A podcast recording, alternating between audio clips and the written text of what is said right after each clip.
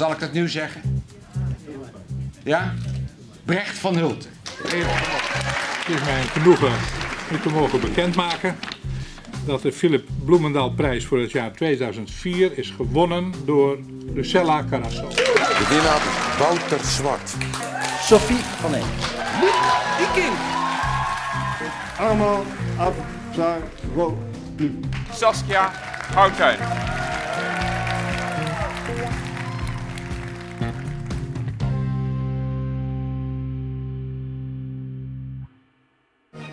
Nog altijd horen we hem af en toe als er een polygoonfilm wordt herhaald. Ruim 40 jaar sprak hij die in en zo werd hij onomstreden de stem van naoorlogs Nederland. Philip Bloemendal. Mijn naam is Bloemendal. Ik redigeer dit journaal met de hulp van een aantal cameramensen... die er elke dag op uit blijven trekken... om het nieuws te vinden waarmee wij film willen maken. De laatste kolenmijn van DSM, de vroegere staatsmijnen... die aan het einde van het afgelopen jaar zijn productie heeft gestaakt. De naam van de winnaar of de winnares zit in deze envelop. Die ik nu met meer dan, meer dan trillende vingers ga openen. Ja. Nee, niet kijken. Het is mij een genoegen u te mogen bekendmaken dat de Philip Bloemendaal prijs voor het jaar 2004 is gewonnen door Lucella Carasso. Het NOS Radio 1-journaal. Laatste vraag. Vond u eh, de troonrede ook zo saai? Nee, maar ik zat met gespitste oren te luisteren, want het was natuurlijk een van de weinige eh, stukken die, eh, en, en teksten die niet uitgelekt was.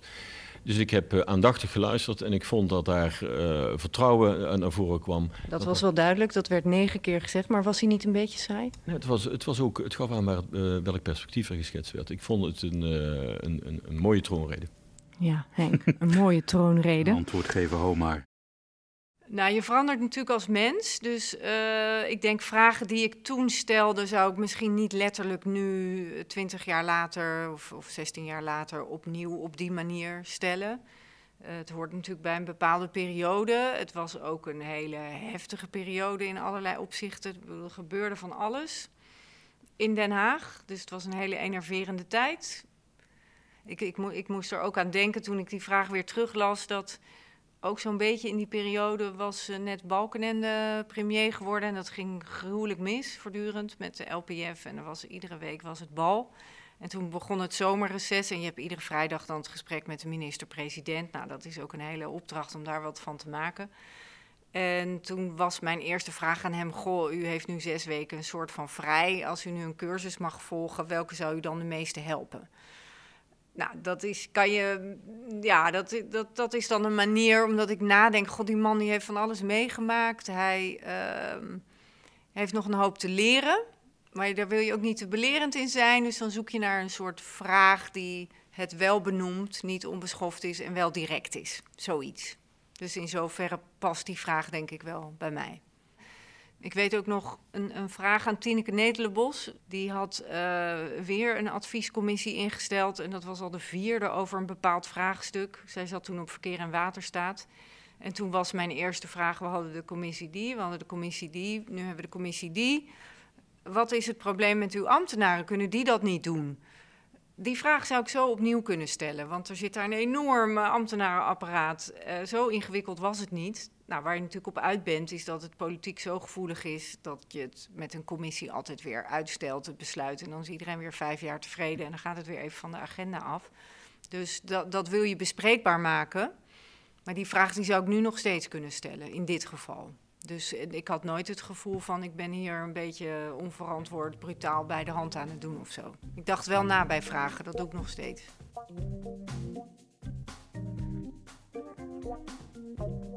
Ik heb ook een goede les gehad in mijn jeugd. In de eerste klas van de middelbare school eh, heb ik mezelf enorm overschreeuwd. Ben ik ook nooit vergeten, zeg maar.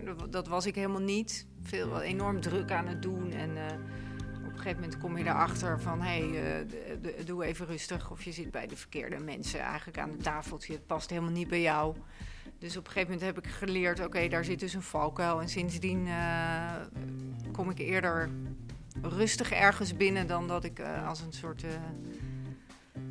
wilde bras ergens induikt. Dus dat heb ik in Den Haag ook niet gedaan. En wat daar trouwens bij hielp, heel erg, was dat ik kwam aan het staartje van Paars. En uh, Pim Fortuyn die kwam net op. En ik, ja, Den Haag is best wel een imponerende wereld. In ieder geval toen. Ik was vrij jong, uh, 27 denk ik. Toen ik daar begon als verslaggever. En dat was toen jong voor verslaggever. Zeker bij Met het Oog op Morgen. Nu, want daar werkte ik toen voor. Nu zie je wel meer jongere mensen in Den Haag. Maar ik gold als heel jong. Dus ik dacht, nou, even sowieso even rustig de kat uit de boom kijken. En wat ik toen zag gebeuren was dat heel veel oudere collega's over Pim Fortuyn spraken in allerlei programma's. Zeiden dat wordt helemaal niks. En ze hadden daar een mening over. En die gingen uh, alvast op de zaken vooruitlopen. Die gingen voorspellen. Nou, we weten hoe het is afgelopen. Natuurlijk sowieso kunnen we nooit weten hoe groot hij was geworden, eh, omdat een moord er natuurlijk tussen zat. En toen heb ik wel echt in mijn oren geknoopt, uh, blijf altijd goed kijken naar wat er gebeurt. Ga niet voorspellen, ga niet denken dat je weet hoe het zit, want het zit vaak toch net weer anders. Dus dat is, door daarnaar te kijken heb ik een hele goede journalistieke les geleerd. Uh, en omdat ik eigenlijk toen nog de kat uit de boom keek, is het mij niet uh, overkomen. En daar heb ik me, eigenlijk mijn hele carrière profijt van gehad. Gewoon door eventjes te kijken wat er is en, en ja, niet te gaan voorspellen. Het loopt toch altijd anders dan je denkt. Verhagen, die, uh, dat blijkt wel een beetje, die stoort zich aan enkele ministers uit het kabinet. Met name minister Brinkhorst. Daar is het CDA op dit moment niet zo blij mee. Het CDA had zoiets van de eerste anderhalf jaar van dit kabinet. Dan komen de harde maatregelen. Dan uh, volgt hopelijk wat economische groei. En dan zijn we een beetje klaar met het slechte nieuws. Brinkhorst die heeft de smaak te pakken. Die roept voortdurend, uh, we zijn nog niet klaar. Het begint pas. Ja. Flirt met de WW, met doorwerken tot 67 jaar. Ja, dat... De Geus begon te roepen dat het afgelopen was. De Geus zei het is klaar. Ja. Brinkhorst zegt iets anders. Vervolgens staan ze allebei in de Tweede Kamer uh, omstandig uit te leggen dat ze toch hetzelfde bedoelden. Ja. Het komt erop neer dat Brinkhorst de CDA-kiezers de, de stuipen op het lijf jaagt. En daar zijn ze op dit moment niet zo blij mee. Goed. Het, uh, ja, wat, wat zegt dit allemaal? Niks toch? Hoe bedoel je, het zegt niks? Het zegt een heleboel, Henk. Ze zijn op zoek naar 1 miljard. Ja, ook. Nou, dat hebben ze toch al lang gevonden. Kom. Nou, nee hoor, nog niet. Nee, ze zoeken onder andere nog even één puntje. Ze kijken bijvoorbeeld of ze BTW op kerosine kunnen gaan heffen. Maar dat kan bijvoorbeeld alleen in Europees verband. Dus dat is nog even heel ingewikkeld. Oké, okay. dank Het zegt toch een hoop, hè? Het zegt een hoop. Dag. Dag. Ik ben uh, daar begonnen als stagiaire uh, in 1996 volgens mij was dat. Uh, bij de buitenlandredactie heb ik toen gewerkt. Toen ben ik naar Den Haag gegaan en uiteindelijk ben ik gaan presenteren bij het Radio 1 Journaal. En het is, ja, het is begonnen met een stage op de buitenlandredactie vanuit mijn studie. Het was een soort uitwisselingsprogramma tussen de Universiteit Leiden en, en de NOS. Ik wilde heel graag de journalistiek in. Dat, dat wist ik al vrij snel, vanaf mijn dertiende, veertiende zoiets. Misschien nog eerder. Oorspronkelijk wilde ik de sportjournalistiek in, toen ik nog jonger was. Um, en het maakte mij niet eens zo heel veel uit toen. Ik was nog niet van het moet radio worden, of het moet een krant worden, of het moet tv worden. Er was die uitwisseling met de radio. Ik dacht, nou dat is mooi, dan kan ik ervaring opdoen. En uiteindelijk paste het goed. Maar er was geen uitgemaakte zaak voor mij. Het was niet zo dat ik altijd al vanaf mijn zesde bij de radio wilde. Ik maakte wel programmaatjes, maar volgens mij deed iedereen dat vroeger. Dus dat wil ik ook niet te groot maken. Uh, als het de krant was geweest, dat, dat had ook gekund.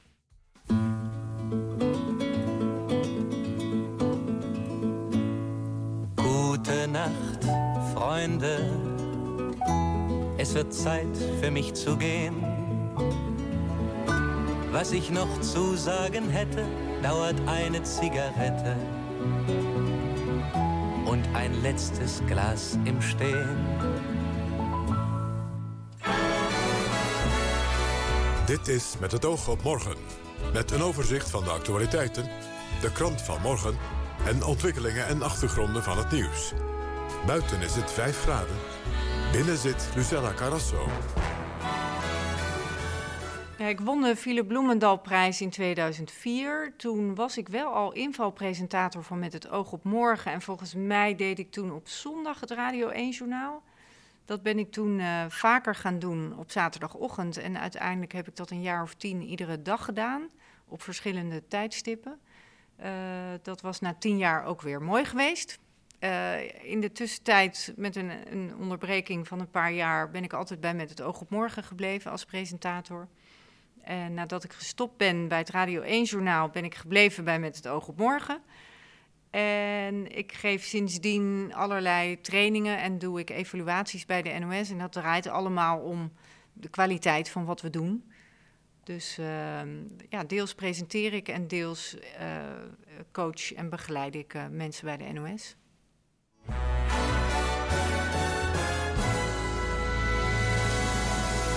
Goedenavond, welkom bij het Oog. U kunt het woord spanning in combinatie met de Amerikaanse presidentsverkiezingen misschien niet meer horen. Toch gaan we komend uur wel kijken hoe het ervoor staat met James Kennedy in de studio hier en onze correspondent Lucas Waagmeester in de Verenigde Staten. Ik volgde Jeroen Pauw op uh, op de donderdag. Een hele goede interviewer natuurlijk. Dus dat was wel even dat, het moment waarop je met jezelf in gesprek gaat van dat is zijn avond. Um, en tegelijkertijd gelijk het besluit genomen: ik ben Jeroen Pauw niet en ik word ook geen Jeroen Pauw en ik moet ook geen Jeroen Pauw willen worden.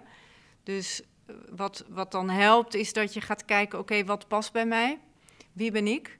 Wat wil ik het programma brengen? En dat is dan, dan je koers. Um, en dan kom je wel een beetje in de buurt van wat er in het juryrapport staat. Weet je, ik hou van analyseren. Ik vind het fijn om de luisteraar context te bieden, helderheid te bieden in interviews als mensen niet duidelijk zijn, om duidelijkheid te vragen. Dus uh, scherpzinnig in die zin.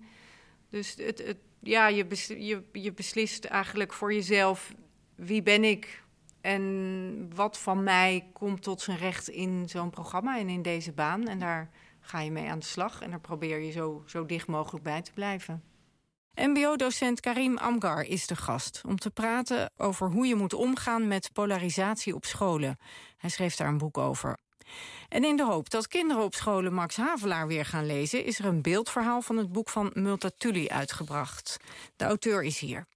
Wat, wat ik zelf moeilijk vond, ik kan alleen voor mezelf spreken, bij met name het Radio 1-journaal toen ik dat begon te doen, is te variëren in toon met onderwerpen. Want je gaat van een brand naar een ontvoering, naar een prijs die wordt uitgereikt, naar een sportwedstrijd. Um, en het is wel fijn voor de luisteraar als het niet allemaal op dezelfde toon gebeurt. Dus dat je op een gegeven moment heel scherp krijgt: oh, nu, nu is er iets leuks. Hey. En dan niet heel overdreven, maar iets serieuzer als er echt wat ernstigs aan de hand is. Dus het variëren in één uur, terwijl je voor de helft nog niet weet wat er gaat gebeuren. Uh, en de juiste lading per gesprek mee te geven, want daar kan je natuurlijk ontzettend de plank mee misslaan. Als je met veel te veel energie in een, oh, wacht even, dit is eigenlijk een heel treurig onderwerp terechtkomt. Dat is iets geweest waar ik wel heel hard heb aan moeten werken. Uh, waar je echt iets voor moet doen van van tevoren, voor zover dat mogelijk is, oké, dit wordt zo'n gesprek, dit is, uh, daar past deze toon bij. Ik heb één keer gehad dat ik het zelf te heftig vond. Ik, ik weet niet of het toen te horen is geweest, maar uh, er was een persconferentie van Van Oem. Die was toen uh, de, de legerleider in Nederland. En in die tijd waren er aardig wat in, in Afghanistan wat aanslagen op Nederlandse militairen. Er, er waren wat, wat ongelukken gebeurd. Dus dan krijg je het signaal, jongens, uh, er komt om drie uur of om vier uur persconferentie van Van Um. Dus dan denk je, oh nou ja, helaas, weet je, daar is weer iets ergs gebeurd. En dan ga je de studio in en dan ging het Radio 1-journaal dus eerder de zender op. En toen vertelde Van Om dat zijn eigen zoon was omgekomen. Nou, dat, toen, dat kwam zo hard binnen dat ik echt heel veel moeite had om na zijn verhaal het woord te nemen. Want wat zeg je dan? Die man die, die zit daar zelf. Die vertelt zelf dat zijn zoon is omgekomen. Dus ik krijg ook weer kippenvel nu ik het vertel. Dat is het enige moment geweest dat ik even dacht: ik weet nu niet hoe ik verder moet op de zender. En een ander moment, maar dat was voor de uitzending, dat was toen er een uh, overval was in het NOS-gebouw van uh, Tariq Z. Uh, toen moesten we allemaal het gebouw uitvluchten. En we wisten een tijd niet wat er aan de hand was. En dat was vlak na Bataclan. Dat was die man die de tv-studio in was gekomen. dat was ook op een donderdagavond. En toen heb ik ook wel eventjes een half uur of een uur gedacht, kan ik wel zo meteen presenteren? Lukt dit? Want ik was wel echt ongelooflijk geschrokken. Um, en toen werd die brief van Tariq Z, die had een, een, brief in de studio achtergelaten. Heel veel mensen riepen, het allemaal moslimterreur, al gelijk op Twitter. En toen werd die brief gepubliceerd en toen zag je dat daar een heel verward iemand uh, aan het schrijven geweest was. En dus ook bij ons naar binnen was geweest.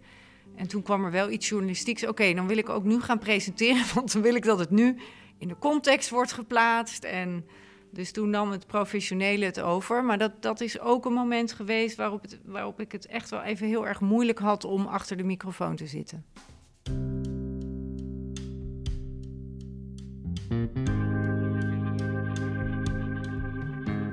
Voor de komende winnaar van de Philip Bloemendaalprijs zou ik zeggen: geniet van uh, jezelf ontwikkelen. Heb zin in een leven lang leren in het vak. Zoek ook gewoon begeleiding, want dat is fijn. Dat heb je, heeft iedereen nodig. Daardoor zet je stappen. Voor mij werd het vak daardoor leuker. Dus ontwikkel jezelf, kijk naar jezelf, luister naar jezelf. Op een gegeven moment ook weer even niet natuurlijk, want jij bent niet het belangrijkste, maar kijk naar wat je doet in het vak.